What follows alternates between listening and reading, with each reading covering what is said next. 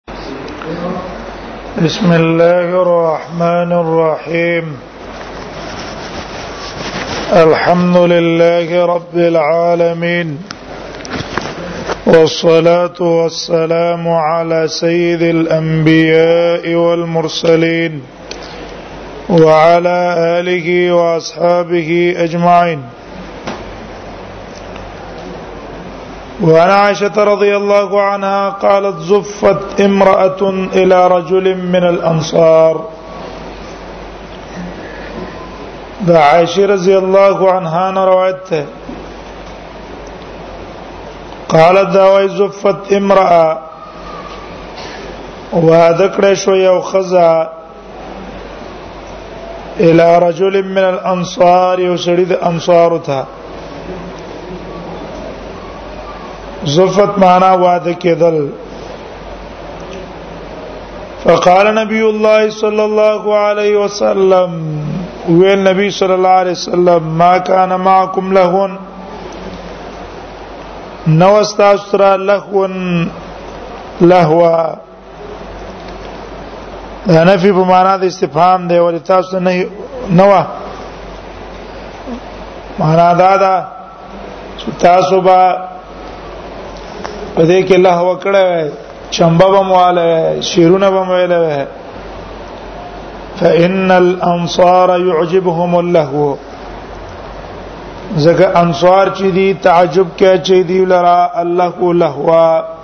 دا غسره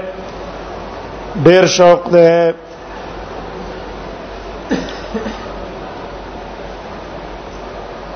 د دې حدیث نه معلوم شو چې په واده کې سړی چمبه وي یا شیرونه وي په ودونه کې دا جایز دي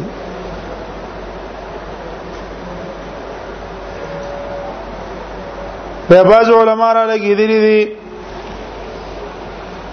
په دې احادیث او په دې حدیث د عائشه او په پاسنی حدیث استدلال نه ولا ده که بعضی آلات د ټنګ ټکور او د غنا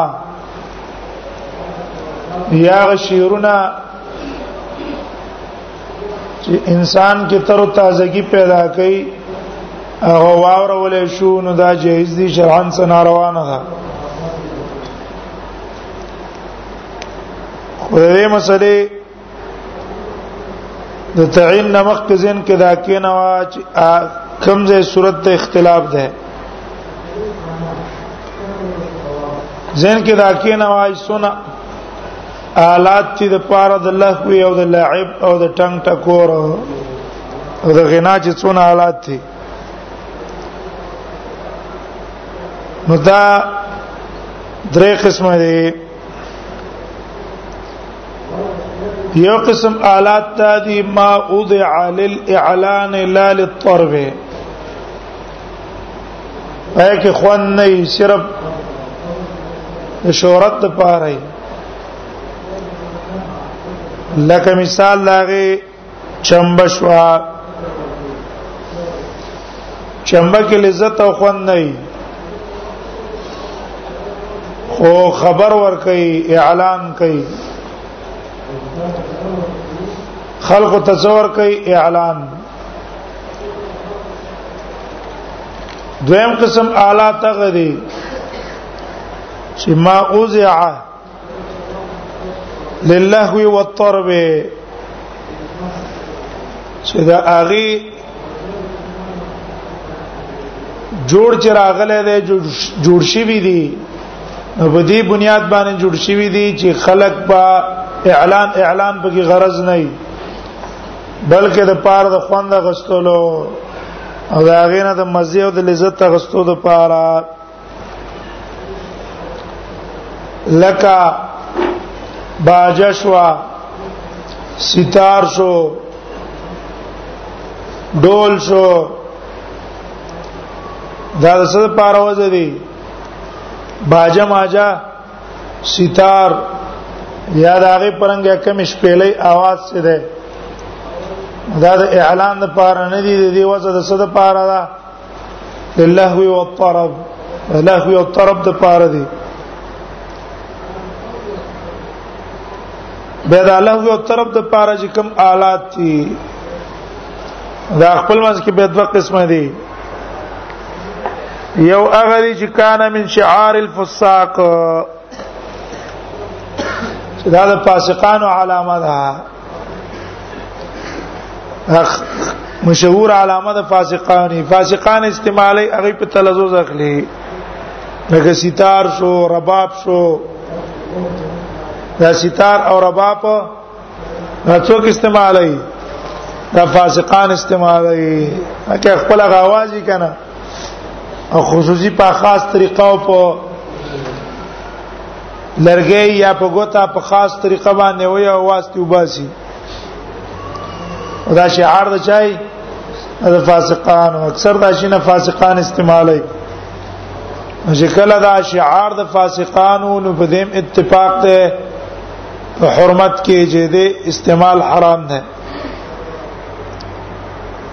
دریم قسم وزشوی د پاره د لغوي او د طرب لیکن د فاسقانو خاشعان نه ده ازقانو شعار نه ده دغه د منګې نه شو منګې منګي باندې دغه وتړې وغه وې ځکه چې اعلان خو نشته کنه اعلان پکشته ده نه او د څه د پاره وځي طرف د پاره نو دې قسمه آلات استعمالول څنګه دي نو دا محل اختلاف ده یو مذهب ته جمهور علما چې پای کې ائمه اربعه هم دي ابن قیم رحم الله ابن تیمیه رحم الله ائمه اربعون قول نقل کړي د حرمت چې ټول ائمه قائل دي په حرمت باندې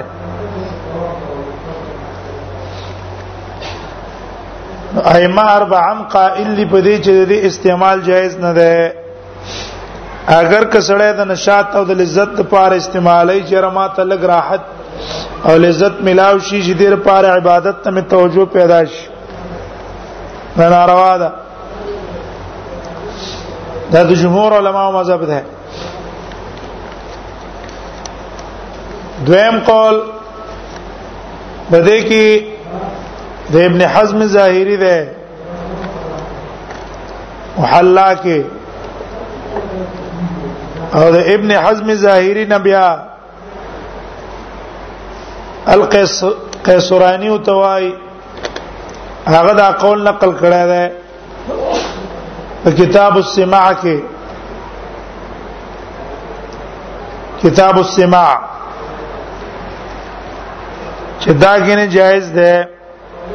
ابو الفضل محمد ابن طاهر محمد ابن طاهر الشيباني المقدسي معروف ده په ابن القيسراني ا کتاب لیکل ده کتاب السماء پونم او ویل دي چې را دا دا قسم آلات باندې د سړی واوري د پاره د نشاط پیدا کېدلو زړی بدن کې نشاط پیدا شي تر تر تازگی پیدا شي دا جایز ده بیا دا غین رستو ابو بکر ابن العربی هغه را لګیدل دی هغه تفسیر ده دې آیات لاندې ومن الناس من يتخذ له الحديث د دې لاندې دا قسم آلات اوریدل دای جیز کړی دي خیر یک زړه کې ناستو دا طبل مبل یاد قصه آلات چې د فاسقانو شعار نه ده هغه واوري د خیره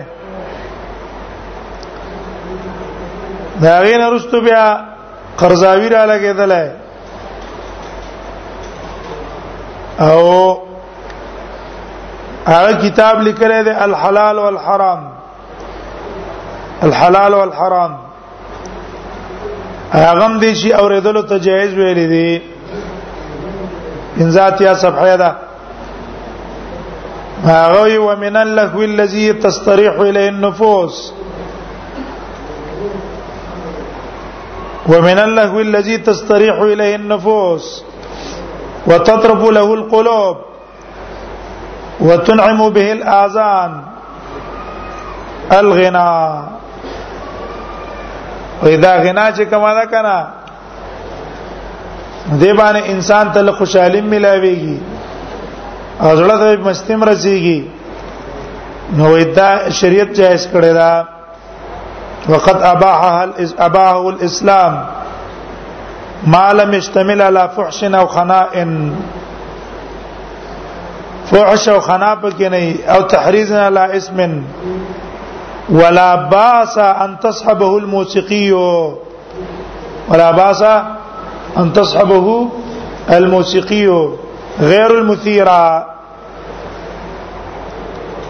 وې کده سي موسیقي رباب دې وسره او باجه دې وسره والا ډول دې وسره او خود سي نه چې سړی ګناه طرف ته باعث کی نو خیره کې دې غنا سره دی ویالا مجلس لګیدل دی یو تن شیرونه وای جهادي عذابولو تر ډولکه او چمبا او باجه وای خیره وای په دې څه ګناه نشته دا جایز ده دارنګ په مصر کې بل عالم دی غزالی هغه مرا لګیدل دی دته جائز جائز کړی دا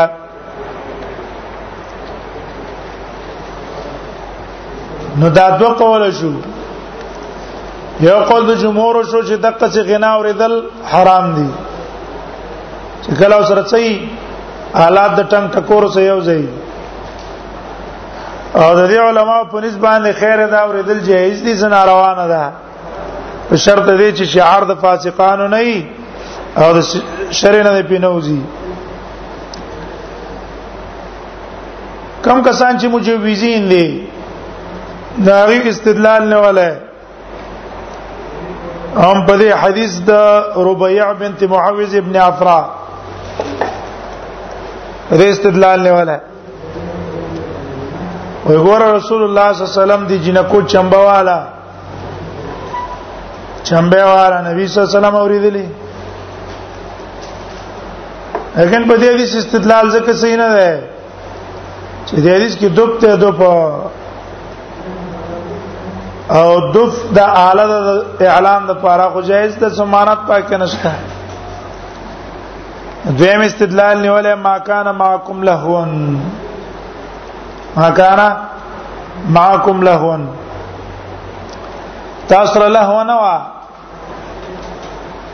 ګور نبی صلی الله علیه وسلم ته ویل چې په دې واده کې ممله هو استعمال کړه وای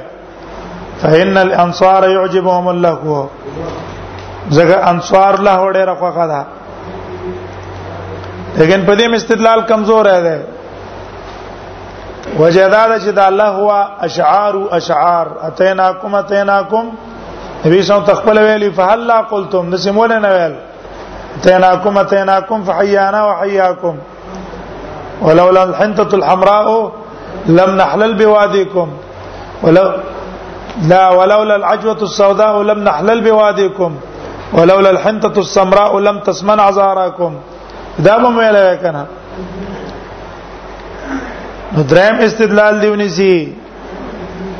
روایت بخاری چې نبی صلی الله علیه وسلم اختر پورز باندې د عائشې په کور کې ناست او د عائشې څخه انصارو جنکې وی هغه چمبه والا ابو بکر صدیق رانه وته ابو بکر صدیق را په غوسه شو تا او ته ویل به مزامیر الشیطان اې د شیطان مزامیر تاسو استعمالوي د رسول الله صلی الله علیه وسلم په خوا کې نبی صلی الله علیه وسلم تو فرمایل پرې د ابو بکر هر قوم د پاره خپل اختری ان لكل قوم عید وهذا عيدنا اهل الاسلام د هر قوم د پاره اختری او د ازمن د مسلمانانو اختر ده بل استدلال نه ولا ده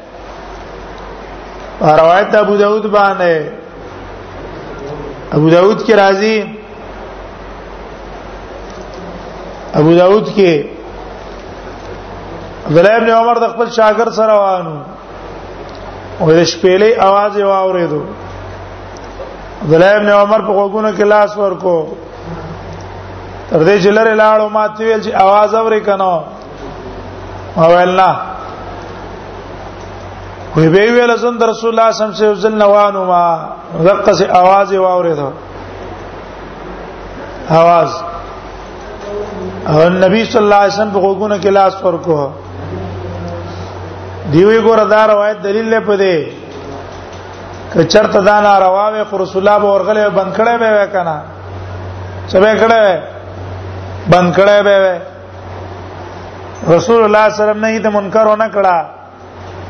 دا دلیل دی دا دې خبره چې دا جایز ده او نبی سم چې غوتی ورکړي دا د قبيله د سنه ده د تورع نه ده قبيله ده تورع نه یو شی مباح یو سړی د مباح نه ځان ساتي د تورع د تقوا په بنا نو رسول الله صم په بنا کړه عبد الله ابن عمر هم په دغه بنا کړه دغه شان استدلال نیول په څه آثارو آثار آثار دا دي و عبد الله ابن عمر عبد الله ابن عمر په یو سړی تیر شو و هغه ځان سره د قصې غنام کولا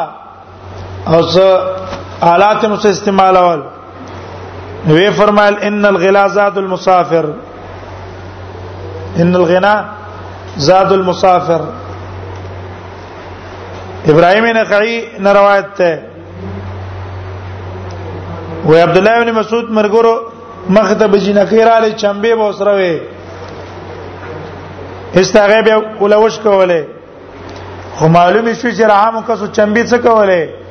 غناګانې کولې ځکه جواری سره چمبه وي ماوردی وې نقل کړي چې معاویه او عمرو بن العاص دواړه رباب اوریدل قد سمع العوده عند ابن جعفر عبد الله ابن جعفر په خوا کې ناستو او هغه رباب او دیو ته وګی خو دارنګي سعید ابن ابراهيم عبد الرحمن ابن عوف نه نقل کړي و چې هغه د قصي رباب اوریدل دی کان یغنی بالعود رباب په ویلو او نورم د قصې آثار نقل کړي دا دغه استدلالات دي لیکن جمهور علما را لګې دي لري هغه استدلال نه ولا د آیاتونو او احادیثو چې هغه دلالت کوي په حرمت د قصې غنا اوریدلو اول آیات ته قران کې ومن الناس من يشتري له الحديث ليضل عن سبيل الله د لهو الحديث تفسیر د عبد الله ابن عباس عبد الله ابن مسعود دا غیونه نقل له چې ویل به عبد الله مسعود به ویل والله الذي لا اله الا هو ثلاث مرات انه الغنى قسم په الله له الحديث ته مراد دا غنا دا غنا بعض کسان دا اتنه او دا غناګانې دا اخلي یضل عن سبیل الله د الله د لار نه په گمراش دار سعید ابن جبیر هغه نقل کړی چې عبد الله بن مسعود نه تاسو کړی شو د لغو الحديث چې دا څه ته وایي نو ویل الغنا بي والله الذي لا اله الا هو عبد الله بن عمر نام نقل لي چې دا غنا ده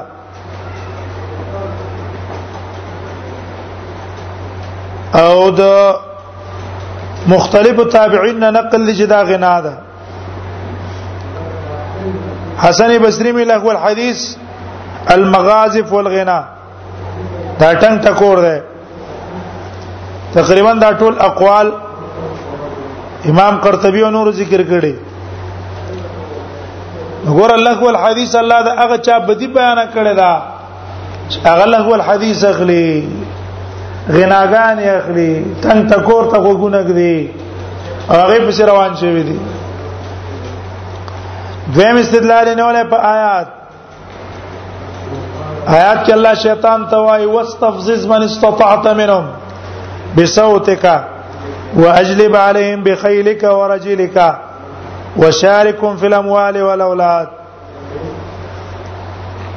بصوت کا صوت مراد څه ده دا ټنګ ټکور ده وې دا ټنګ ټکور ده د شیطان आवाज ده نو دریم دلیل دا دی چې الله د مؤمنانو مبارک وایي والذین لا یشهدون الزور واذا مروا باللغو مروا کراما ابن کثیر په خپل تفسیر کې د محمد ابن الحنیفین نقل کړي قال الزور هنا الغنا ولا يشهدون الزور نه مراد دا غنا د غنا هو راغه تفسیر په غنا باندې کړي دانه قرطبي او ابن جرير الطبري هغه نقل کړی د مجاهد نه چې لا شهدون الزور معنا څه ده لا يسمعون الغنا غنا سره اورینا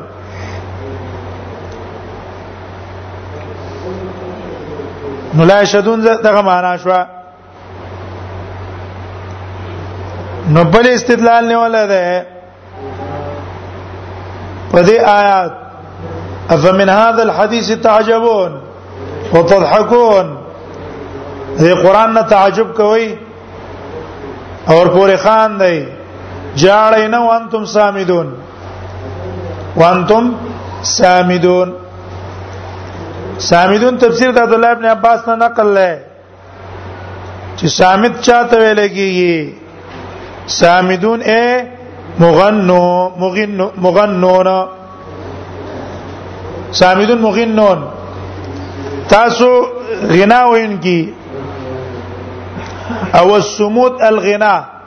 على لغه على لغه حمير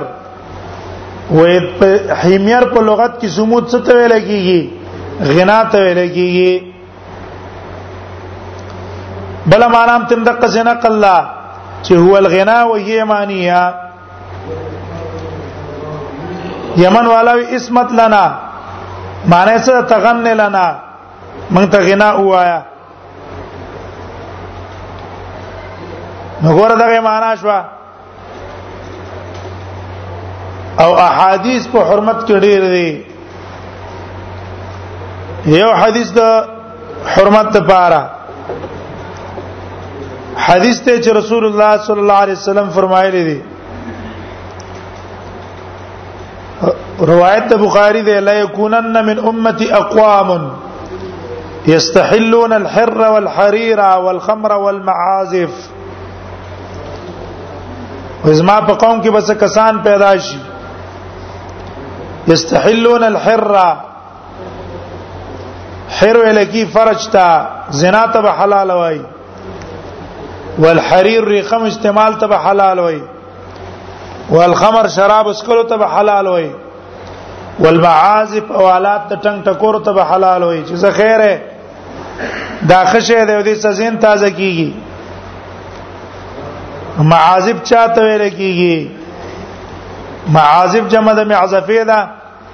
آلات الملاغي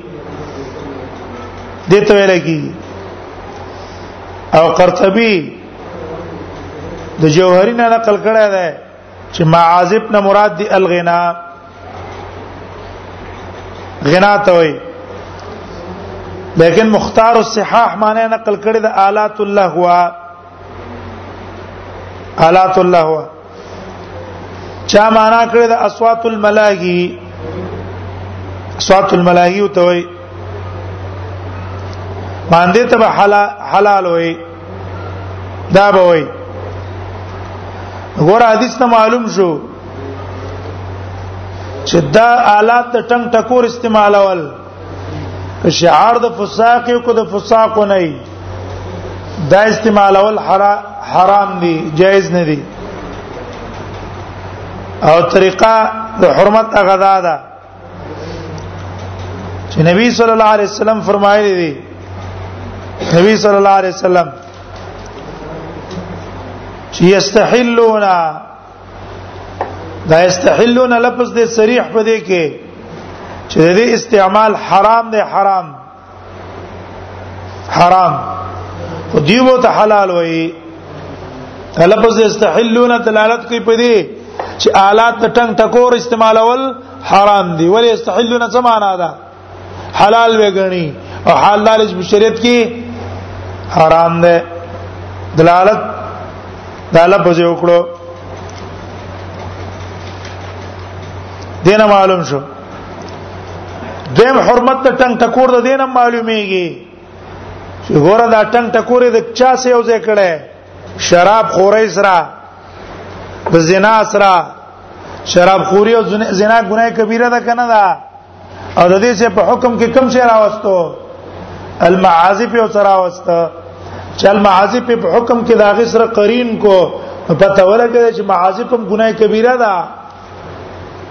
صدا ګناه کبیره ده دې اورېدل جایز نه دي کې پار نیت باندې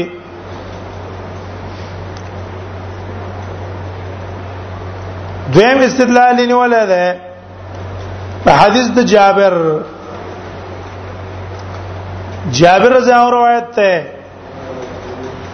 نبی صلی الله علیه وسلم فرمای انی لم انها عن البکاء ولکنی نهیت عن صوتین احمقین وای په مړی باندې سړی جاړي چې دین نه منه شوی خامخا سړی جاړي درد ترسيږي لیکن زه د دوه قسمه اوازونه منه شوی ان صوتین احمقین فاجرین دو اوازونه چې ناروا اوازونه دي صوت عند نغمه لهو صوت عند لغمه نهو سړی شعرونه وای او په دې شعرونو ټیم کې سړی لاسونه ټکای چړې وای ډولکې وای رباب وای دې نه څه شوی ما دې نه مانه شوی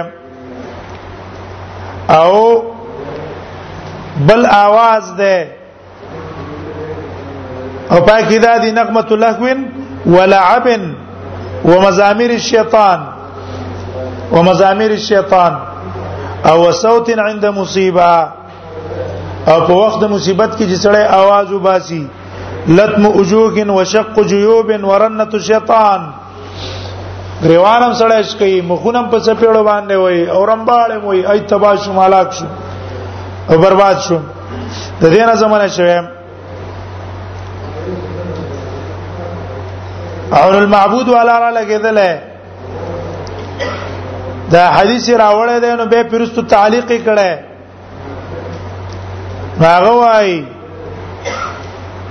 وی فانظر الى النهي المؤكد تسميه الغنا صوت احمق وی ته دې ته وګوره نبی صلی الله علیه وسلم دې غنا ته څه ویل احمق आवाज وته ویل کوي نه ویلو صوت احمق وته ویل اولم يقتصر على ذلك او صرف د احمق والی باندې اکتفا ونه کړه تر دې پورې حتی زماغه مزامیر الشیطان دې ته څه ویل مزامیر الشیطان ویل دې ته ویل دویم وګوره هغه حدیث د ابوبکر صدیق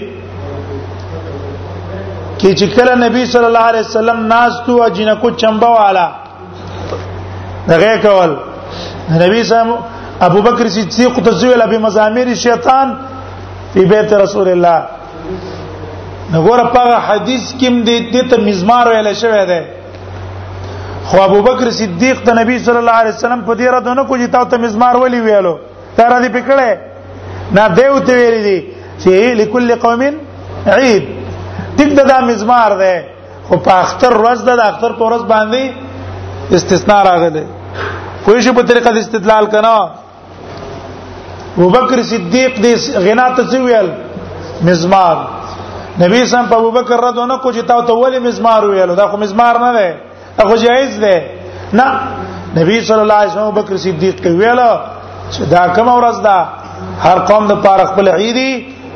دا د اختر د ورځې نظم ته پاره جایز شوی ده دا جایز شوی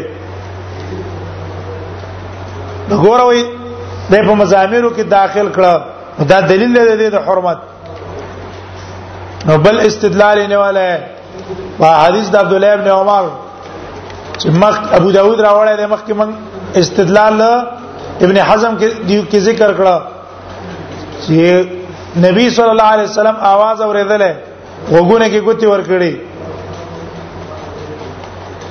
او بیا عبد الله ابن عمر اوریدل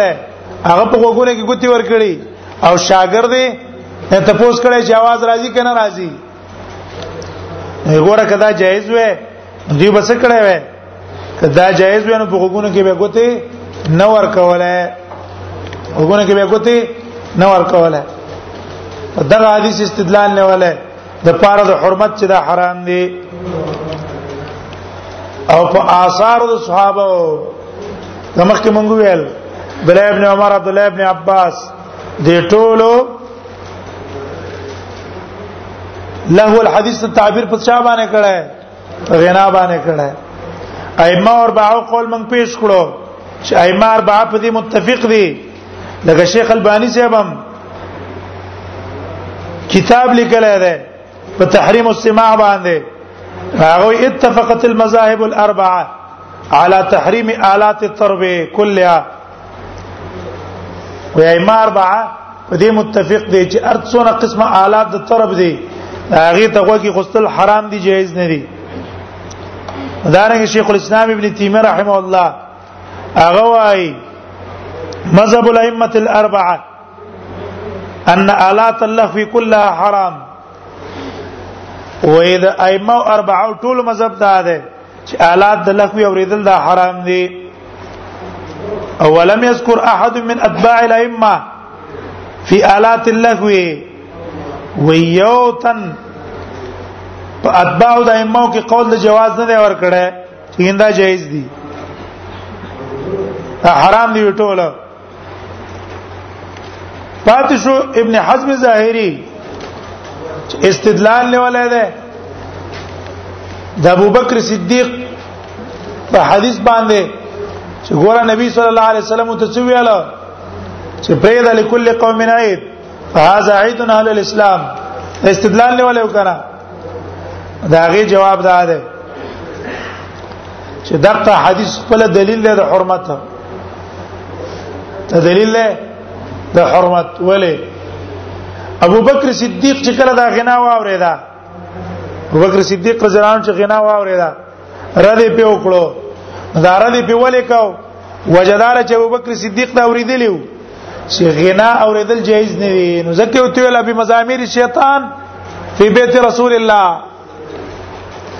دا ته پته وجدا ناروا ده دغه پیرا دکو او نبی صلی الله علیه وسلم چې اجازه ورکړي دا صرف د اختر د ورځې د وجه نه ورکړي چې لكل قوم عيد هر قوم د پاره اختری او دا زمونږ د مسلمانانو اختر ده دا حدیث دلیل خپل په حرمت باندې دویم دلته غنا چې وا غنا وړو جن کو کولا عائشہ په خپل لا وړا وا عائشہ مو نوري وړي جن کوي وي نو هغه دا کولا ابو وړي جن مکلف نه دي او چمبا وا سوا چمبا وا او دا غي په आवाज کې څه فتنه نه وا دا دلیل ستاسو ستاسو لپاره نه جوړیږي د جواز کوم چې د استدلال نیولې ته عبد الله ابن عمر په عمل دا غي جواب دا ده جواب چې عبد الله ابن عمر رضی الله عنه چې غوږ کې ګوتی خېری او نبی صلی الله علیه وسلم غوږ کې ګوتی خېری دا دلیل په حرمت تاسو وی چې رسول الله صلی الله علیه وسلم په ورغلې ول نه ده یې دې کې احتمال لا ده چې دا راعي ډیر لري وو څو لري د غر سر کې ناستو اواز یې دلته را رسیدلې نبی صلی الله علیه وسلم ته نږدې نه چې انکار وکړای یا کې دې شي ماشوم څو ماشوم ماشوم مکلف نه ده دیو جن په دې باندې استدلال تاسو ټیک نه ده جواز د پاره چې په دې باندې استدلال اونې سي د جواز پاتې شو استدلالم په آثارو نیولای لکه قرضاوی سے هم په الحلال والحرام کې وایي چې د ډیرو صحابه او تابعین نه د دې جواز نقل لای منغو یو بس سند سند راوړی کم سند صحیح باندې دا ثابت دی لول اسناد الاسناد من الدين ولولا الاسناد لقال من شاء من شاء ما شاء دا مبارک قول له وي سند د دین نه ده سند نه وي چا چې څه خوخه هغه به ویلې زه خوخه وي هغه به ویلې راوړی سند سشتا سره سندونه شته ده نه اکم سندونه چې دی ویلې دي ټوله زویب دي دې په دې ګور شوکانی سه مم ورغلې ده څوک په سه ورغلې شوکانی سه هغه قائل ده د جواز او کوم آثار چې دی نیولې دغه آثار سندونو باندې ثابت نه دي کمزوري دي په اعتبار دا سندونو دیو جن سیم دا قضا چې آلات نه دی اوریدل پکار دیو جن داسن کې کی کینه وای ار وخت دا شیرونه اوریدل د سړی بسر وخت شیرونه اوري ور وخت شیرونه اوري دا خوشې چي ده تار اور چیرونه اوري په دې باندې څه کې راغې په تلاوت او ثواب دی شي تلاوت یو درس واورا یو درس واورا څه مسله به تیز دی پیدا لدر کوي یو بیان واورا هغه بیان به تا کې اثر پیدا کی او یو مسله به بیان نه تا ته معلومه شي شیرونه اوري او دا تاسو شیرونه دي درې پکې خبري او بس ما خبره پکې بار بار کړی تا وای او ما کړی پکې تا وای ټول نیمه ګنټه شعر چې ګوري نیمه ګنټه شعر دی وسنو شاعرانو نیمه ګنټه شعر کې به دوه خبري ته وای دوه خبري وای او اسی اوقات بدل ځای کی نو څه پیدا پای کې نشتا او اوقات په پیدا لګول پکار دي دیو جنا نبی صلی الله علیه وسلم فرمایي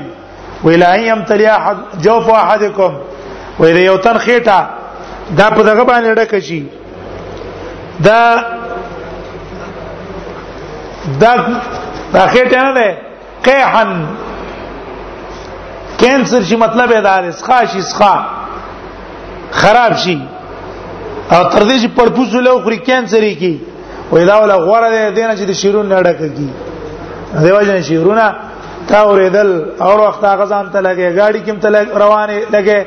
پلارم روانه لګي ډړه د چولې د مکه شیرونه اوري او مګه یو شیرونه بار بار اوري اخر ختمي کی کنه یو شیر د بس یو ځل سړی واره دو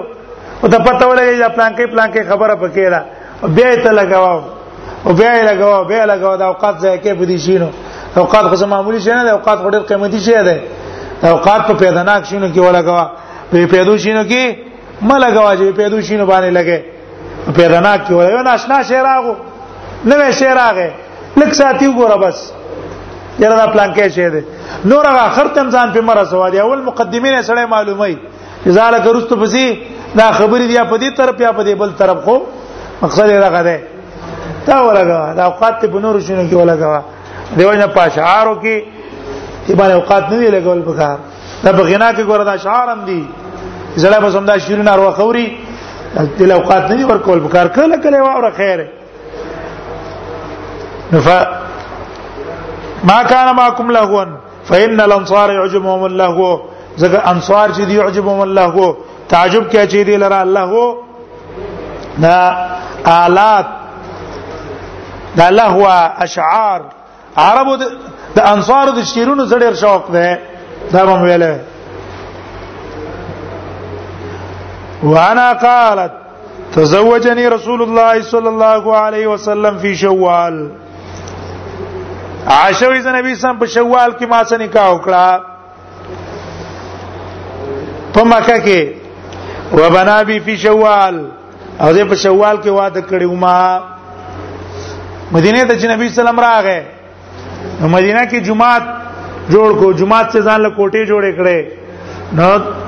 عائشه رضی الله عنها راواده کړه امام بخاری په باب کې ده باب البنا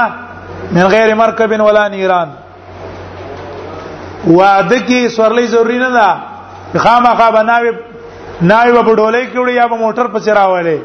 غباز کسان دی کوچې نه بولی کوچې ته وړي موټر ال تراولي تاسو ضروری نه ده موټر راوستل ان خامخا به ته موټر کې بوزي او یا به ډولې کې بوزي دا سناشنا نه ده همدا کوڅو کې مخکم ګرځېدل ده او دی واده نه ورسته بیم پکې ګرځي اوس په دی واده کې هم دی لاړ شي دا څه خبره ده از تکلفات او نیران هم پکې نه چې تبو سر ډیوی روانې کړي رناګانې بد روانې کړي د حدیث د عائشه راوړل وی رسول الله صلی الله علیه وسلم عائشه څنګه وعده کړه عائشه رضی الله عنها ما ټال کې ځنګل په دې کې د امصار او خزر علی کوړه به مور را پسې رااله دی را واستلم نو دینه بل مسله معلومه چې امام بخ... امام ابو داود په باب خې باب الرجوع په ټال کې ځنګل جایز دي دا حدیث د عائشه راوړی پر دا ټال کې ځنګل کنه وی را واستلم مور زر زر را سر وینځلو اختیار له برابر کړ جامع را تراوا چولې او هغه زنانه سکړما غرمه ټیمو نبی صلی الله علیه وسلم کوړته بوتله د امام بخاری تب دی حدیث نه بل مسله مباسی باب البناء بالنهار د ورځې ډولې بوتل دا جایز دی خلکو یې په سنت طریقه مې واده وکړو هلکه څه چې دې کړو د شپې مې خزر راوستا نو شپې راوستل خو سنت نه دی او یاره په سنت باندې ملور ورکړه څه دی ورکړه وای ما ته جوړه د شپې په جنج راځي هلکه شپې په کې جنج چاره واستله جنج کړه ورځ راځي کړه شپې راځي دا څه سنت نه ده نه د شپې نه د ورځې دې څه سنت تعلق نشته د ورځې راوړل چې لانجه نه سره خلاص شي اکور ولان بیغم شي او دیم بیغم شي نو زه اوسره کړم او نبی صلی الله علیه وسلم ته ور وستلم غرمه ټیمو هو بنا بی فی شوال او زه په شوال کې وادم کړم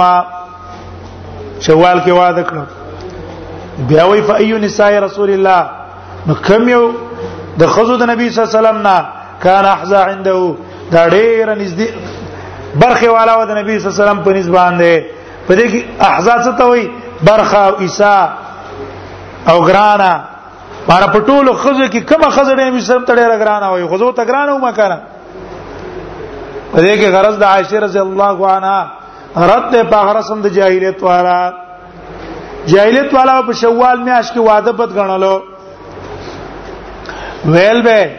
وېدا په شوال کې واده سپیری شوال کې واده سپیری وی وجه شوال د اشان نه ماخوذ ده سپیرتوب ته ویل کیږي نو په دې کې چې خزه واده شو هغه سپیرې سپیرا عائشه برت کې کس پیراوي زب اس پیراوي زکه ما سي نکام په شوال کې کړي او ما زی واده کړم په شوال کې دیو جن علماء دی حدیث ته کته ویلي دي چې په شوال کې نکاح تړل بهتر دی شوال کې نکاح تړل بهتر دی ذکر رسول الله صلی الله علیه وسلم نکاح په شوال کې تړلې او خزه واده کړي هم په شوال کې دا بس په کوم